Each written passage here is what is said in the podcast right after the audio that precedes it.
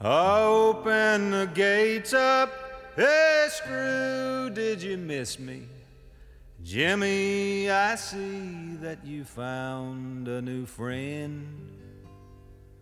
Warden, come down here and kiss me hello, cause I'm back home in Huntsville again. Welkom bij de Prison Show, het programma over delict, straf, herstel en terugkeer. Oprecht, onafhankelijk en baanbrekend. Want iedereen heeft recht van spreken en verdient erkenning voor wie hij of zij is. Met Edwin En Frans. Yes, I'm back home in Huntsville again.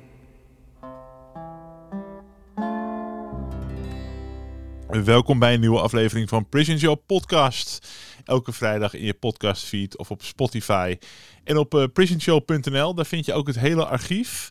En voor een doorzoekbaar archief kijk je op de site herstelterugkeer.nl. En dan klik je even op podcast, dan kun je ook zoektermen invullen. Dan vind je nog eens dingen waar je niet, eh, die je niet had voor, kunnen voorstellen. Dat is eh, een heel rijk archief. Precies, we gaan praten met onze gast van vandaag. Vandaag is de gast Annelijn Smit, ondernemer in de transportsector en dochter van een vader die in detentie zat. En nu heeft ze opgericht Not My Crime. Ja, ehm, leuk dat, uh, dat Annelien hier is. Want uh, nou, zoals uh, iedereen weet, hè, we zijn op allerlei manieren betrokken als herstel en terugkeer bij gedetineerden en ook hun familie, de zogenaamde achterblijvers. Um, en het initiatief wat Annelien eigenlijk genomen heeft, is echt een initiatief wat alleen genomen kan worden, denk ik, door iemand die nog jong is. En die uh, helemaal in de wereld is waar ook uh, jonge mensen vaak verblijven. achterblijvers zijn ook heel vaak jong. En um, dat is de wereld online. En op de site van Not My Crime staat: wij buigen, maar we breken niet. Not My Crime is bedoeld voor iedereen die te maken heeft met een relatie die in aanraking is gekomen met justitie en daar dagelijks mee moet dealen. Been there, done that. Op deze site vind je onder andere praktische informatie, handige tips en tricks en verhalen van verschillende mensen die op een of andere manier verbonden zijn aan justitie. Hiermee kan ik de situatie waar je je in bevindt hopelijk wat makkelijker voor je maken. Het is tenslotte niet jouw misdaad, maar vaak wel jouw probleem. Van harte welkom in de Prison Show, Annelien. Ja, dankjewel. Fijn dat ik hier mag zijn. Ja, nou, misschien zou je willen beginnen met, met iets te vertellen over uh, hoe jij bij dit onderwerp betrokken bent geraakt. Uh, ja, zeker. Um, ik ben uh, bij dit onderwerp betrokken geraakt, ik denk al intussen twaalf jaar geleden, toen mijn vader in aanraking kwam met justitie. Um, dus het is eigenlijk een heel groot onderdeel van mijn leven. Um, het proces heeft heel lang geduurd. En um, uiteindelijk heeft hij twee jaar gezeten. Hij is nu voorwaardelijk vrij. Um, dus ja, ik ben op vele vlakken uh, verbonden met, uh, met justitie. Ja, en, en, hoe oud was je toen, je, um, toen jouw vader in de problemen kwam met justitie? Ik was echt net 15 toen ik aanwezig was bij de eerste inval. Ja. Oké, okay, oké. Okay.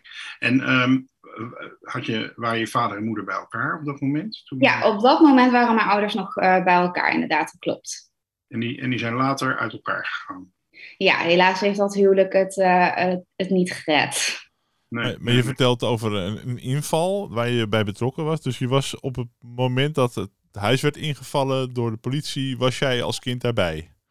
Uh, nou, dat, nou dat, is heel, dat was wel bijzonder. De tweede keer was ik er inderdaad bij toen we van ons bed uh, werden gelicht. Uh, maar de eerste keer kwam ik thuis van schoolreisje. Dus ja, je moet je voorstellen dat ik naar huis kwam fietsen. En ik belde mijn vader nog van, joh, kan je me niet even ophalen? Want dit is echt zo'n eind fietsen. En toen hoorde ik al aan zijn stem wat hij zei... Um, ik heb nu even echt geen tijd. En toen dacht ik van, nou ja, dat, dat zegt hij nooit. En toen kwam ik thuis... En toen zag ik overal mensen staan in de tuin. Uh, er zaten agenten in de auto's, in de garage. Uh, ja, ik kwam mijn huis binnen. Dat was één, één chaos. Uh, mm. Ja, en toen kwam mijn moeder naar me toe en die zei: Ja, um, doe maar rustig. Ze controleren alleen even of papa de administratie wel op orde heeft. Aha. Ja, toen dacht ik natuurlijk eh, echt niet. Hoe was dat voor jou? Want ehm, kijk, wat wij heel veel horen, is dat, eh, dat het voor kinderen eigenlijk een hele traumatische ervaring is. Dat was echt heel traumatisch. Als ik eraan terugdenk, nu nog, gewoon in dit moment. Ik voel letterlijk nog steeds de grond onder mijn voeten wegzakken. Ja, ja. Dat voel ik echt nog steeds zo. Dat was een heftige, dat was een heftige ervaring, ja, zeker. En, en, en je voelt dat nu nog steeds. Eh, hoe ben je daarmee omgegaan in je leven met, eh, met die ervaring? Heb je, heb je daar ondersteuning bij gehad? Of, of om het te verwerken of wat dan ook? Ehm, nee, ik heb, het wel, ik heb het wel eens geprobeerd. eh, een aantal jaren later, omdat er natuurlijk, ja, in die periode is er veel meer gebeurd. Eh, maar nee, dat was, dat was niks voor mij, laat ik het zo zeggen. Dus Mhm. ja, hoe ben ik ermee omgegaan? Ehm, gewoon doorgaan eigenlijk. En ik denk dat ik mijn rust wel kan vinden in, in muziek. Ehm, fijne mensen om me heen hebben. Ehm, dat is hetgene wat mij, eh, wat mij wel heeft geholpen. Echt verwerkt? Nee, dat heb ik denk ik niet. Nee. nee. Nee, want het is ook. eh, mensen denken wel eens eh, dat, dat je voor alle trauma's behandeling nodig hebt. Dat is niet zo. Nee. In de, in de meeste gevallen herstellen mensen daar zelf van of geven Ja. een plek. En ehm, waarmee het niet weg is. Het Nee. blijft gewoon een, een, een belangrijk live event, maar het is wel iets wat je. Ja, wat je, je kan gewoon met wel je leven gewoon leiden. zeg maar. Zeker, weet je, het, het, het, het tekent je en, en het vormt je. Maar goed, van de andere kant, het heeft mij ook gemaakt tot wie ik op de dag van vandaag natuurlijk ben. En het is gewoon een onderdeel van mijn leven. Dus ja, weet je, ik, ik hoef dat ook niet te vergeten. Mhm. Ehm, ja, it is what it is. Ja. ja, we hebben het al een beetje over. eh, je hebt natuurlijk, eh, het is best een lang traject geweest, hè? voor- ook voordat jouw vader ehm, eh, zijn straf uit moest zitten. Mhm. Ehm, kun je iets zeggen over het, jouw proces tot de dag van vandaag? Hè? Hoe ben je daarmee omgegaan? Wat, wat, ehm, er zijn een aantal dingen gebeurd en hoe, hoe, hoe, hoe kon je daar als dochter mee dealen? Hoe heb je daarmee gedeeld? Mm, Hoe heb ik daarmee gedeeld? Ehm, een stukje is dat wel gewoon overleven. Want op het moment dat zeg maar, jouw basis wegvalt. eh, want je moet je voorstellen dat op een gegeven moment er gewoon geen geld meer was door ja, blijvende invallen, blijvende beslagleggingen. Ehm, we, moesten ons huis uit. Ehm, er was geen geld meer. Mijn ouders wa- waren ook niet echt in een happy place. Die hadden ook hun eigen issues. Dus als ik niet doorging, dan zou er niks gebeuren. Er was niemand eigenlijk die mij op dat moment kon redden eh, van de situatie. Dus ik moest wel. Weet je, Ben je keer volwassen geworden? ja, ik ben heel snel volwassen geworden. Ehm, daar denk ik wel, ja, denk ik, sta ik ook wel eens bij stil. Dat terwijl mijn eh, vrienden eh, laveloos in de kroeg hingen, ehm, was ik bezig met mijn zaken op orde te stellen. Ik had hele andere prioriteiten. Ja. Ehm, wat, wat enerzijds natuurlijk jammer is, maar goed, ja, anderzijds, ehm, ik kon mij op eh, jonge leeftijd al niet meer zo druk maken over hoe mijn haar zat, of dat ik wel make-up op had, of wat eh, hè, iemand van mij vond. Eh, want er waren ergere dingen in het leven. Eh, dus weet je, dat heeft ook wel weer zijn voordeel. Hey, eh, jouw relatie met, met je vader was en is goed, hè?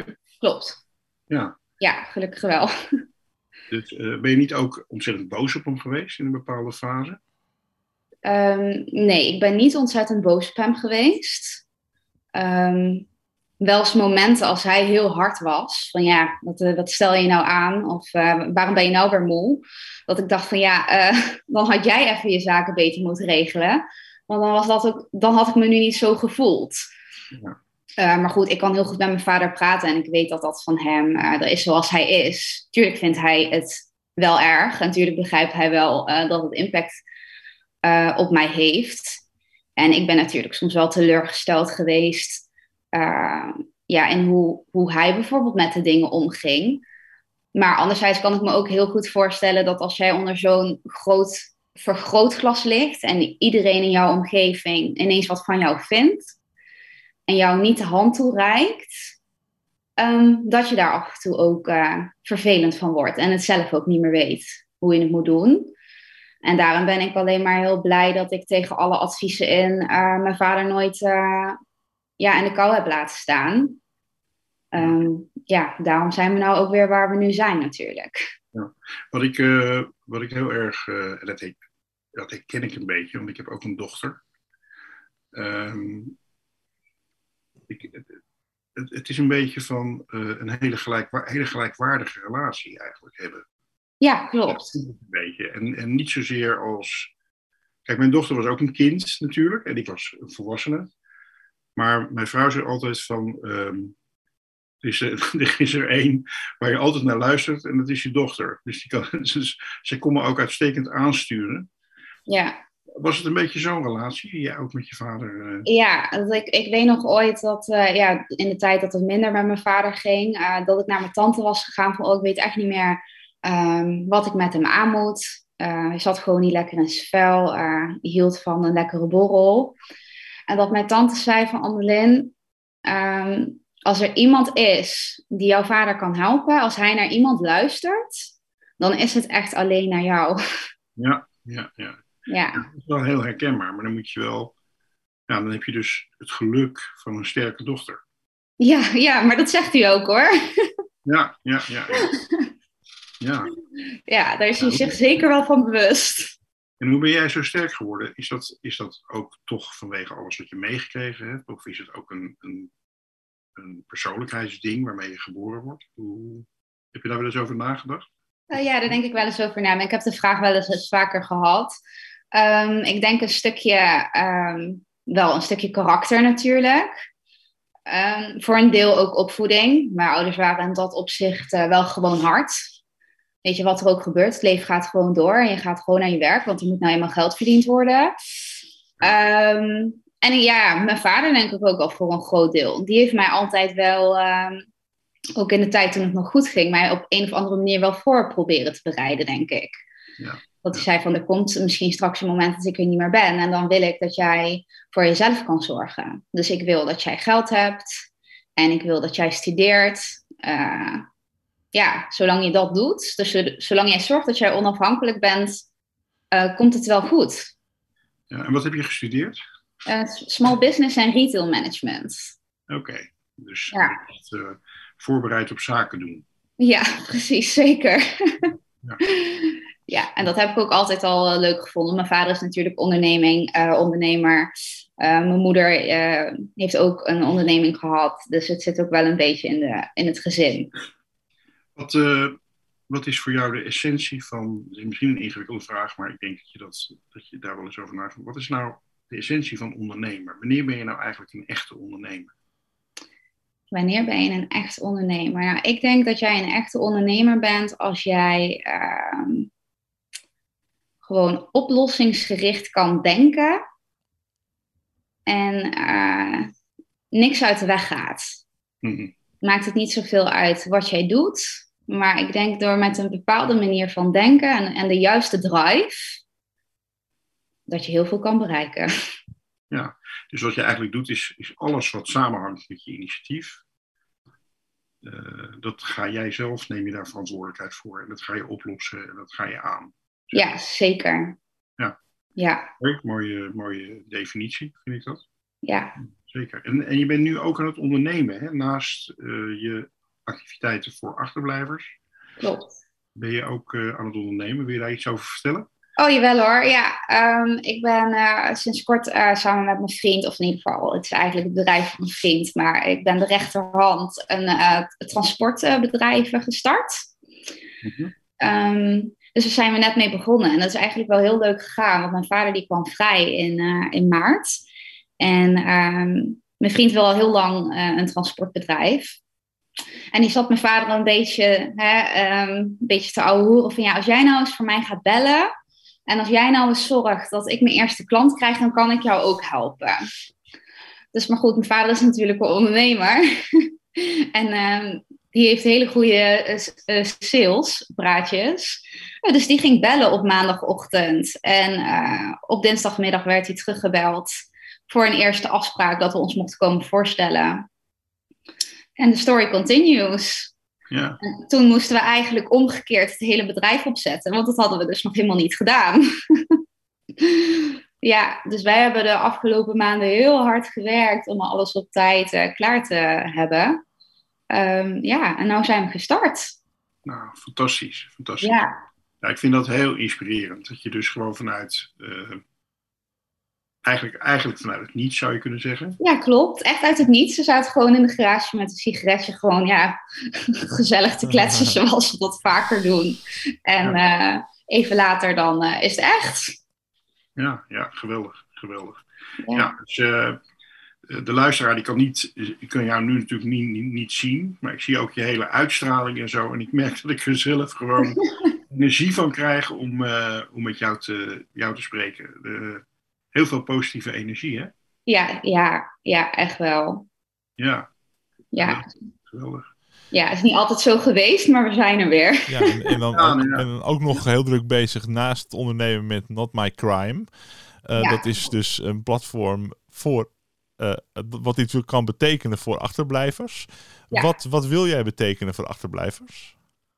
Ehm, wat ik wil betekenen voor achterblijvers is dat ik ehm, hen wil eh, inspireren en wil eh, motiveren en ze ook vooral echt in hun kracht wil zetten. Dat ongeacht de situatie is er echt een hoop mogelijk. Ehm, en dat is zeker niet makkelijk, want eh, het klinkt nu alsof het allemaal heel makkelijk ging bij mij, maar dat is zeker niet waar. Ehm, maar met de juiste tools kan je een hoop bereiken. En ik hoop eh, ja, dat ik dat over kan brengen eh, op andere mensen. Ehm, ja, dat, weet je, dat verdienen ze gewoon. En het is heel logisch dat door zo'n situatie word je af en toe echt geleefd. En door je omgeving eh zakt de moed je soms echt in de schoenen. En ik wil echt ja, degene zijn die zegt, kom op. La- ja, laat je niet uit het veld slaan, wat er ook gebeurt. Het is zo zonde. Het, het kan echt. Want de achterblijvers zijn snel een vergeten groep. Dat is wat ik in ieder geval bij het maken van deze podcast heb geleerd. Ja, Ehm, wat zou er kunnen verbeteren dat we meer oog hebben voor die groep, juist die achterblijvers, die, eh, dat heet niet voor niets, not my crime, die dus eh, niet de, de misdaad hebben begaan, maar die toch daar ook de dupe van zijn. Ja. Ehm, ja, dat zijn verschillende dingen. Ik denk dat dat eh, voor een deel eh, te maken heeft al in een stukje opvoeding, wat je, wat je generaties meegeeft. Ehm, je omgeving heeft een grote impact op je op het moment dat zoiets gebeurt. Eh, staan zij achter je of niet? Ehm, ja, hoe gaan zij ermee om? Wat vinden ze ervan? Doen ze je best om je te helpen? Of praten ze alleen over je? Ehm, en ook een stukje verantwoording ligt er denk ik bij, eh, bij justitie en bij het DEI. Ehm, want zij kunnen wel echt een verschil maken in hoe jij je voelt als jij daar op bezoek gaat. En in hoe de communicatie is eh, tijdens een facering. Ehm, of jij weet waar je staat, wat er met jouw geliefde daarbinnen gebeurt. Ik denk dat dat echt beter kan. Ik heb daar, daar heb ik ook wel echt stress van gehad in de tijd dat hij echt vast zat. Dus bij het bezoek vooral dat je niet wist hoe dat zou verlopen of dat je daar onzeker van werd. Ehm, Ja, nou ja, bijvoorbeeld, kijk, en dan praat ik natuurlijk niet over iedereen, maar als jij op bezoek gaat en ze, ze doen al een beetje tegen jou alsof jij eh uitschot bent, dan ga je al minder lekker op bezoek. Ehm, en ik kan bijvoorbeeld een voorbeeldje noemen dat ik ehm, op bezoek ging bij mijn vader. eh, samen met mijn vriend. En ik weet niet meer hoe laat het was, maar laten we even zeggen één uur. En als jij een uur bezoek hebt, dat voelt echt als een soort pitch die je moet doen. Ehm, want je ziet elkaar natuurlijk niet iedere dag. Dus in dat uur wil je echt vol benutten om alles te kunnen vertellen. En dan is het vijf over één en dan ben je nog niet opgehaald, terwijl de rest al binnen is. En dan komt een, eh, een beveiliger naar jou toe en die zegt, ja, kom maar even mee. Ehm, en dan vraag ik van, goh, eh, wat is er dan aan de hand? Eh, waar is mijn vader? En dan wordt er gezegd van, ja, dat vertellen we zo wel. Dat zie je zo. En dan vraag ik van, goh, maar gaat dan alles goed met hem? Ja, dat is zo. Je moet nu eerst even mee. Nou ja, uiteindelijk bleek dat ze mij gewoon wilden fouilleren. Onder het mom van controle. Maar op zo'n moment ben ik van, drie, van binnen echt al drie keer kapot gegaan. Omdat ik bang ben dat er iets met mijn vader aan de hand is. en de tijd van mijn bezoekuur loopt. Ja. Ja, weet je, het ik had de tranen in mijn ogen staan en ik moest daar nog gezellig tegenover mijn vader gaan zitten. Terwijl ik eigenlijk heel hard wilde huilen omdat ik zo geschrokken was. De tijd die je hebt wil je, wil je goed benutten en wil je dat ook kwaliteit heeft. En je wil ook niet zelf als crimineel worden gezien bij, bij het eh, betreden van de gevangenis. Nee, precies. En ik dacht van, oh nee, dadelijk is er echt iets met hem. Heeft hij wat gekregen? Want zijn gezond is- eh, gezondheid is ook niet eh, ja, supergoed. Dus weet je, dat soort dingen, ja, daar ben je dan echt de rest van de dag een beetje ondersteboven van. Ja, ik hoor wel, los van de manier waarop je behandeld wordt, hè, eh, Mhm. dit, is, dit is niet goed, dit is niet oké. Nee. mensen om. Kan ik me ook heel erg inleven in dat moment dat er gezegd wordt: we vertellen niet hoe het met hem is, loop maar even mee. Dan eh, je schrik je gewoon dood. Ja ik, ja, ik schrok me echt dood. Ja, Ja, dus dat is, dat is gewoon heel, heel ontactisch en heel. eh, ja, waarschijnlijk, niet, waarschijnlijk niet met die bedoeling, maar wel heel erg ontactisch. ja het is gewoon heel erg onhandig. En ik denk dat ehm, personeel niet altijd beseft hoe gevoelig zo'n situatie ligt. Voor hen is het hun werk. Ja, ja. Ehm, ja, voor ons als achterblijver is het iedere, iedere week weer moeilijk. Ja, ja. Dat went niet. En je zegt trouwens fouilleren. Je moest meekomen om, om gefouilleerd te worden. Eh, Ja, Was dat met een eh, scanner of zo? Of was het nee, echt- met de hand. Oké, want je bent bezoeker. Ja, Eh, je gaat door een, eh, je, moet, je moet je spullen door een eh, detectiepoort doen. ja, klopt. Je moet zelf door een detectiepoort lopen. Klopt. En daarna word je dan nog gefouilleerd. Ja, ja, ik weet ook nog steeds niet waarom. Ja, nou. Ik vraag me af of, dat überhaupt, of dit überhaupt mag op deze manier. Maar goed. Ja, ehm, ik weet dat ook niet. Maar dat is wel mooi dat je dat zegt. Ehm, dat zijn van die dingen waar je niet op ingaat. Omdat je weet dat degene die jij lief hebt in de gevangenis zit. En je ergens toch bang bent. Dat als op het moment jij een klacht indient of iets. ehm, dat diegene binnen daar hinder van ondervindt. Ik eh, weet eigenlijk bijna wel zeker dat dit niet mag. Ja, Omdat eh, er geen aanleiding is. eh, tenzij er een, een heel erg gereed vermoeden is. ja, dat, er, dat iemand eh, druk in, in de drugshandel zit of weet ik veel wat. en dan moet je ook nog toestemming vragen. Mogen we het of niet? Geen ja. toestemming voor. Ik vind het, nou, ja, dit raakt me wel dat dit dan zo op deze manier gebeurt in zo'n situatie.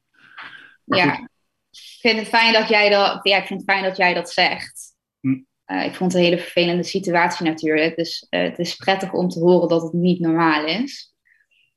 Maar het Eh, sluit ook heel erg aan bij, de, bij, de, bij alle verhalen die ik eigenlijk hoor van achterblijvers. mhm. Ehm, ik vind dat je het heel mooi formuleert door te zeggen van ehm, men is zich er niet van bewust eh, hoe gevoelig die situatie eigenlijk is. Ja, Dat, eh, dat je daar de spijker, de spijker op zijn kop slaat. ja. En waarbij Ja. nogmaals het zijn geen slechte mensen, maar ze ehm, zijn zich daar dus onvoldoende van bewust.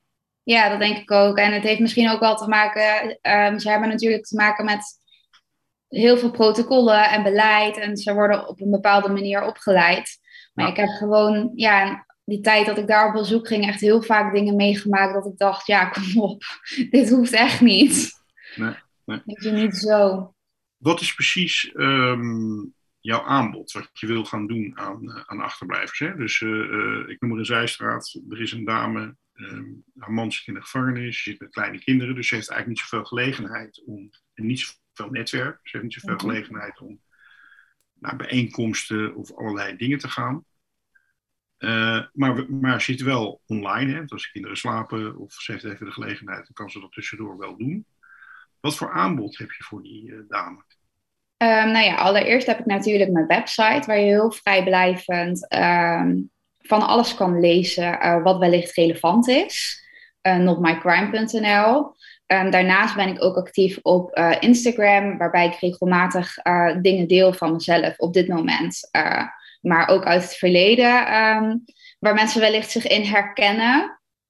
En daarnaast ben ik bezig met het ontwikkelen van een online coachingsprogramma. Eh, waarvan ik denk dat dat voor heel veel mensen heel leuk is. Ehm, waarin ik eigenlijk in, eh, in video's eh, ja, mensen ga helpen door het geven van uitleg. Ehm, waarbij ik ook opdrachten aanbied, zodat zij zelf ook echt actief aan de slag kunnen ehm, ja, met de problematiek die zij op dat moment hebben natuurlijk. en daarbij een community waarin ik ook persoonlijk met de mensen contact ga hebben. Dus dat zou een perfecte uitkomst zijn eigenlijk. Ja. Als je, kun je, uh, ja, ik vind dat echt een, een, een, iets waarvan ik denk van, nou, dat hebben we in Nederland nog niet. Dus ik denk nee. dat het gewoon ontzettend mooi is dat iemand daarmee begint. Ook fijn dat het, dat het iemand is van jouw generatie, zeg maar. Uh, ja. Er zeker behoefte aan is. Kun je iets zeggen over de, de thema's of de onderwerpen die je aan de orde wil laten komen? Ja, zeker. Um, de de, het coachingsprogramma bestaat uit uh, vijf hoofdstukken, waarvan één hoofdstuk uh, mindset, omdat een deel um, van welke situatie je ook bevindt, hoe jij daarmee omgaat, heeft wel te maken met hoe jij in het leven staat. Um, een hoofdstuk sociale impact, omdat die impact vaak veel groter is um, ja, dan dat mensen denken. En die heeft wel degelijk invloed op je.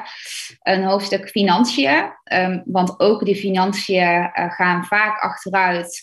Um, ja, iemand in detentie belandt. En als jou dat, dat, dat jouw partner is, is dat natuurlijk helemaal uh, een groot inkomen.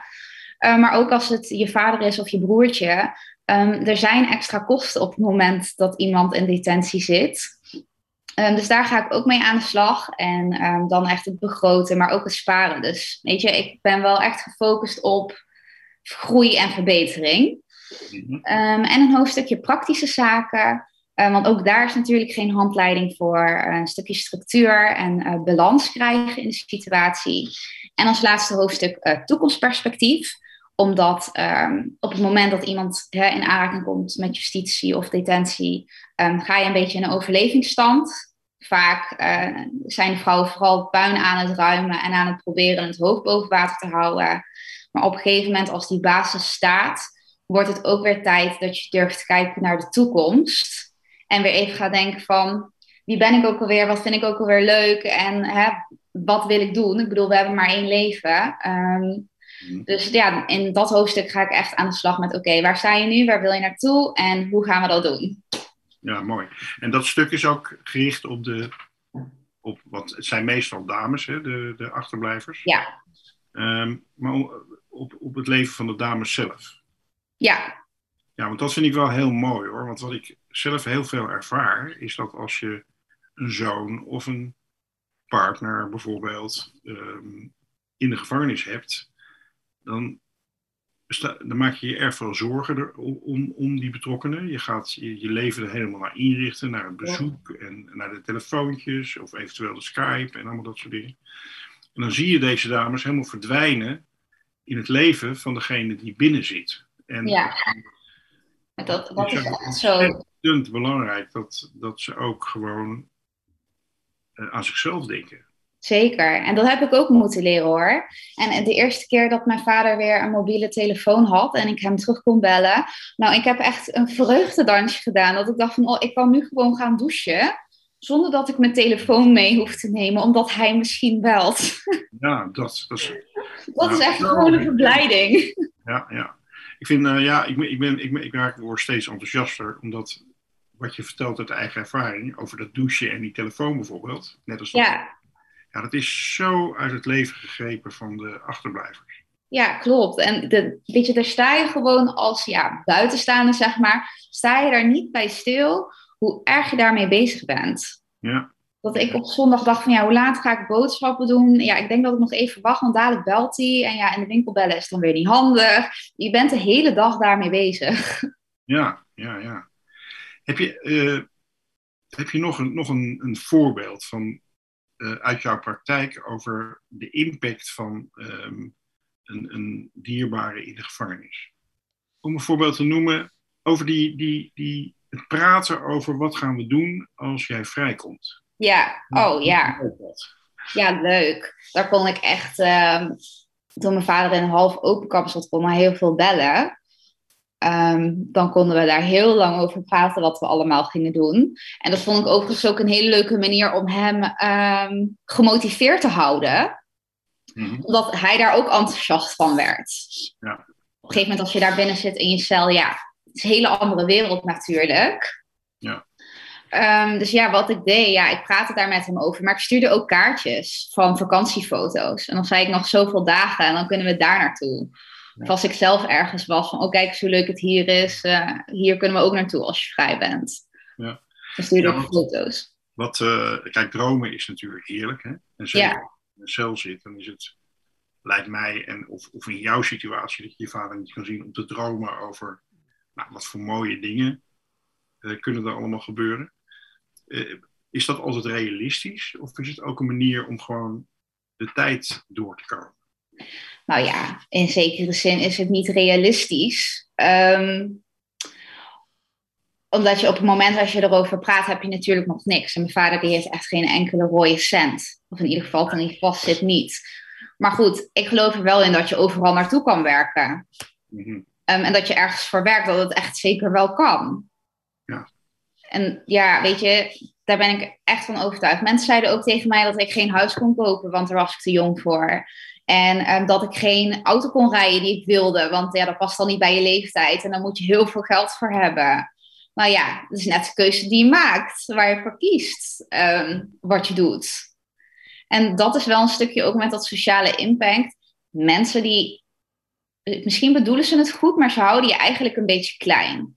Ja, ja, ja. ja. Door te zeggen van hoe het allemaal zou moeten of hoe het hoort. En ja, dat is gewoon helemaal niet waar. Mag ik, eh, mag, mag ik het zo vertalen dat, eh, en dat zullen heel veel mensen die betrokken zijn bij het hele proces van eh herstel en terugkeer meemaken, maar misschien ook gewoon mensen in het algemeen. Ze hebben een bepaald beeld van je. Ja, Ehm, je hebt een bepaalde rol, daar hoort een beeld bij. En je mag eigenlijk niet uit die rol en dat beeld stappen. Klopt. Anders gaan doen. Want dat, dat is verwarrend. Van wie ben jij nou eigenlijk? En jij Ja, was toch dit of jij was toch dat? ja, maar zo werkt het niet. Ik heb ook een quote op mijn Instagram staan van eh, de mooiste kleurplaten zijn buiten de lijntjes gekleurd. Ja, ja, ja. ja. Mooi. Er is ook een, uitspraak en die is, eh, die is een beetje somber. Ehm, die ik wel veel hoor. En dat is Mhm. eh, de gevangenisstraf, de echte straf, begint pas op het moment dat je buiten komt. Ja, maar dat is wel waar. Mhm. En ehm, dat vind ik af en toe nog moeilijk. En dat is natuurlijk een proces voor mezelf waar ik nu eh, in zit. Ehm, en dus ik even te denken hoe ik dat tactisch ga brengen. Ehm, maar bijvoorbeeld mijn vader die helpt nu mee eh, om mij en mijn vriend te helpen met het transportbedrijf. Waar ik hem ook echt super dankbaar voor ben. Want hij heeft nog steeds genoeg eh, ja, aan zijn eigen hoofd om alles eh, te, te regelen. En dan komen mensen naar je toe en die gaan dan toch zeggen van... ehm, ja, waarom laat je hem jou helpen? Want we weet, je weet wat er van komt. En je, en je weet wat hij gedaan heeft. En toen en toen zo. En, en dan, ik bedoel, ho- hoe lang is het geleden? Twaalf jaar? Ja, kom op. En dan is het echt nog veel langer geleden dat hij de strafbare feiten pleegde. Ja, houden we er ooit een keer over op? Kan niemand nou zeggen van, oh, wat goed dat hij eh, vrij is en alweer zo snel aan het werk is en al het geld in jullie investeert, om, eh, omdat hij wil dat jullie er goed bij zitten. Dat hoor je niemand zeggen. Ja, dat is inderdaad een heel herkenbaar beeld. Ehm, kijk, eh, je vader heeft natuurlijk ook gewoon zijn straf uitgezeten. Dus Ja. iemand die zijn straf heeft uitgezeten, die is in principe gewoon klaar hè, volgens de wet. Die is gewoon weer medeburger. Dat stuk zou je, zou je moeten vergeten. Ja. En daarnaast is het natuurlijk ook zo dat, eh, net als heel veel mensen die uit de gevangenis komen, mijn vader heeft natuurlijk een schat aan ervaring en aan kennis. ja, klopt. Eh, Hij heeft wel een keer wat verkeerd gedaan, maar als persoon is hij gewoon iemand met heel veel mogelijkheden en talenten en ervaring. Ja, ja, dat vind ik mooi dat je dat zegt. Ja, maar het is natuurlijk heel raar dat, eh, dat hij die niet zou mogen inzetten. Je zou eigenlijk moeten zeggen, nou, zoals jij ook letterlijk zegt, wat geweldig dat hij ons helpt Ja, met zijn achtergrond. Ja, ja, precies. En ik vind misschien dat daar ook wel, ik, ja, ik weet niet hoe jij dat hebt ervaren ehm, in jouw werk, maar dat qua gedetineerden vind ik ook eigenlijk dat die ook nog wel meer in hun uh, kracht gezet mogen worden. Uh, dat er niet echt. Mijn vader die wilde ja, ondernemen en die had ook een bepaald idee over zijn fasering. Ja. Dat wordt al niet echt erkend. Een beetje het idee van ja, dat ze zoiets hebben van nou, je komt dadelijk vrij, dus jij je moet maar gewoon genoegen nemen met het meest simpele baantje. En daar maar blij mee zijn. Terwijl ik denk, eigenlijk in de tijd dat je daar zit, kan je de meest ja, geniale plannen uitwerken. Als je daar de juiste begeleiding bij krijgt. Nee, daar ben ik het, uh, daar ben ik het helemaal mee eens. Want ook binnen de gevangenis, uh, ja, leeft er natuurlijk. Je zou zeggen dat het niet zo is, maar juist binnen de gevangenis zijn er veel vooroordelen naar gedetineerden toe.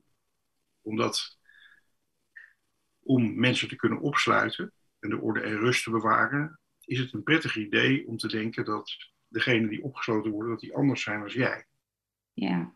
En dan meer op dat veiligheidsaspect en op de delicten gaan zitten.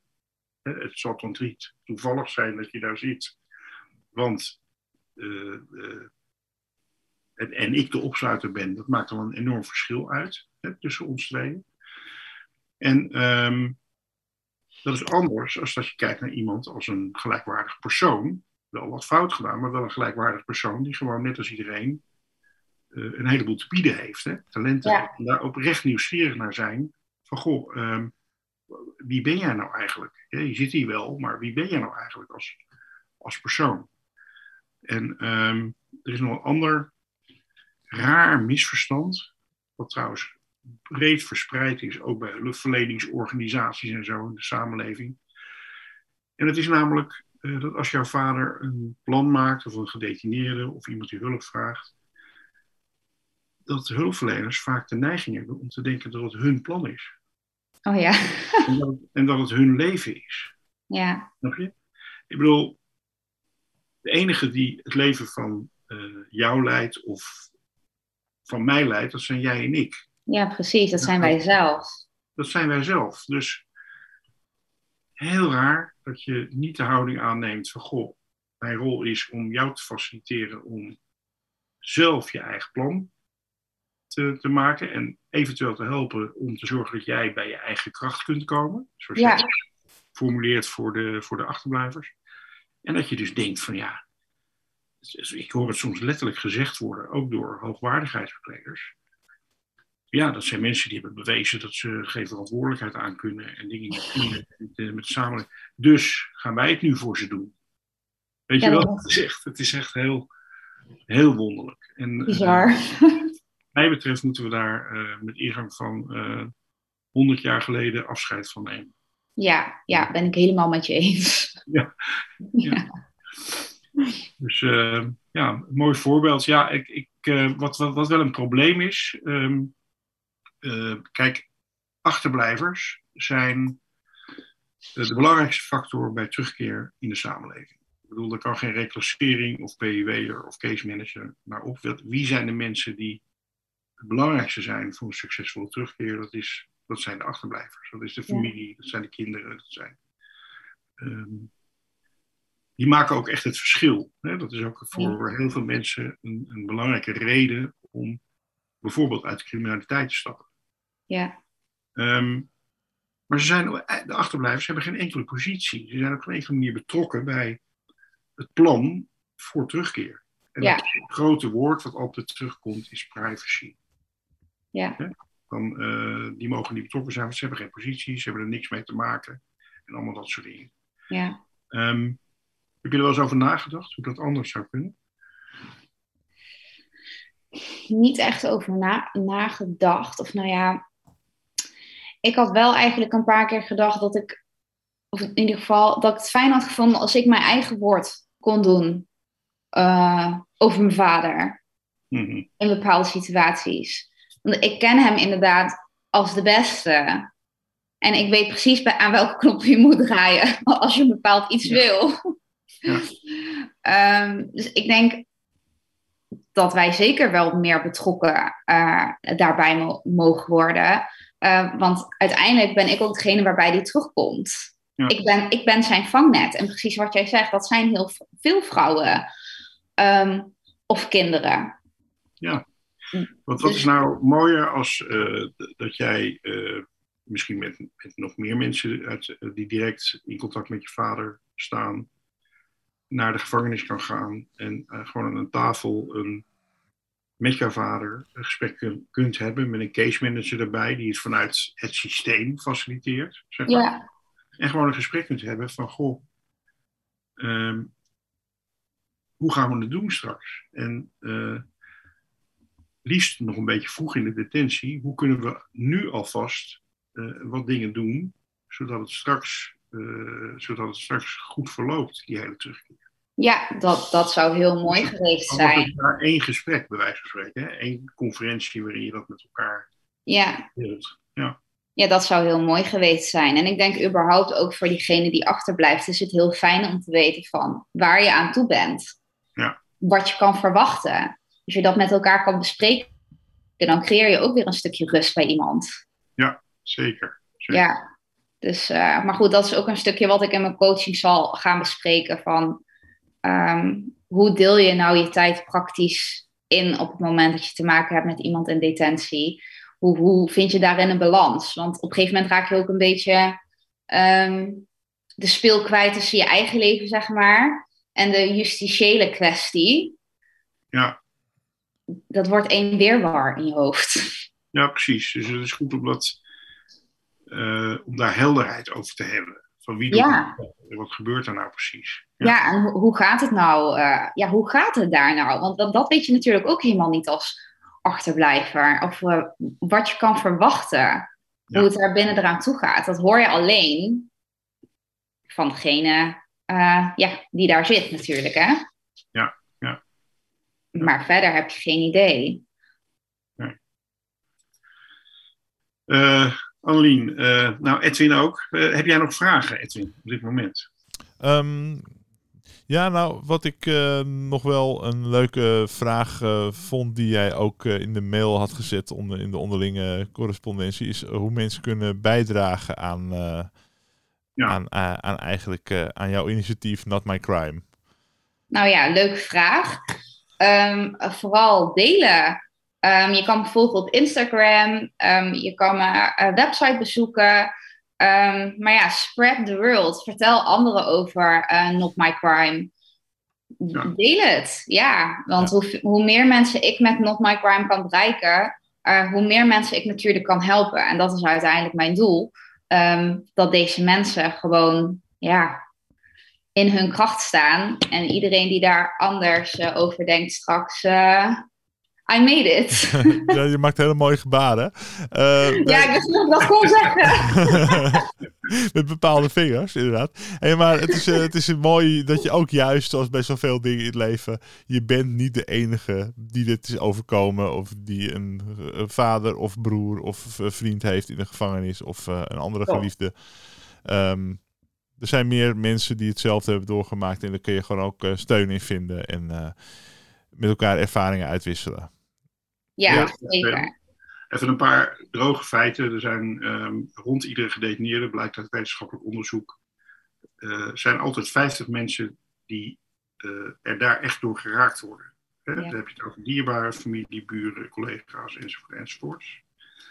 Eh, en er komen ongeveer 30.000 mensen per jaar in detentie. Het grootste deel eh, heel kort. Maar het zijn wel mensen die dus zo'n netwerk om zich heen hebben Ja, Ehm, van eh, kinderen, broers, eh, ouders, noem het allemaal maar op. Dus, waar je, waar je, dus je kan het wat dat betreft, eh, die 30.000 kan je dus met een paar vermenigvuldigen als het gaat om heel direct geraakte mensen. En als je dan een periode van 10 jaar neemt, dan weet je ongeveer waar we het over hebben. Dan heb je het over, eigenlijk over het feit dat er bijna niemand is die niet op een of andere manier eh, eh, of zelf achterblijver is, of ze heel direct in de omgeving hebben. ja, En daar wil ik nog één ding over zeggen, namelijk dat het heel vaak verborgen blijft. Ja. Mensen weten het niet. Ik woon hier in een keurig straatje. En pas toen ik mijn boek geschreven heb, eh, kwam er een buurvrouw naar me toe. En die zei, niemand weet het, maar mijn zoon zit in de gevangenis. ja. Dat Zo, is eh, helemaal niemand. En dat Ja. zie je dus wel ook heel erg veel. Dat zie je heel erg veel. ja. ik vind dat je heel goed werk doet. Ehm, ik, eh, we gaan deze podcast natuurlijk eh, publiceren. Ik hoop dat je ook bij ons op lid wil worden van de community en jezelf wil voorstellen op onze site. Heel graag zelfs. dat is ook een manier om spread the world, the word te doen. Ehm, ja, heel veel succes. En ehm, nou, ik denk dat we nog veel van je gaan horen. En uh, ik ben er blij mee. Jij ook, Edwin? Zeker weten. Ja. Gelukkig. Ik ben ook hartstikke blij dat ik hier uh, mocht zijn.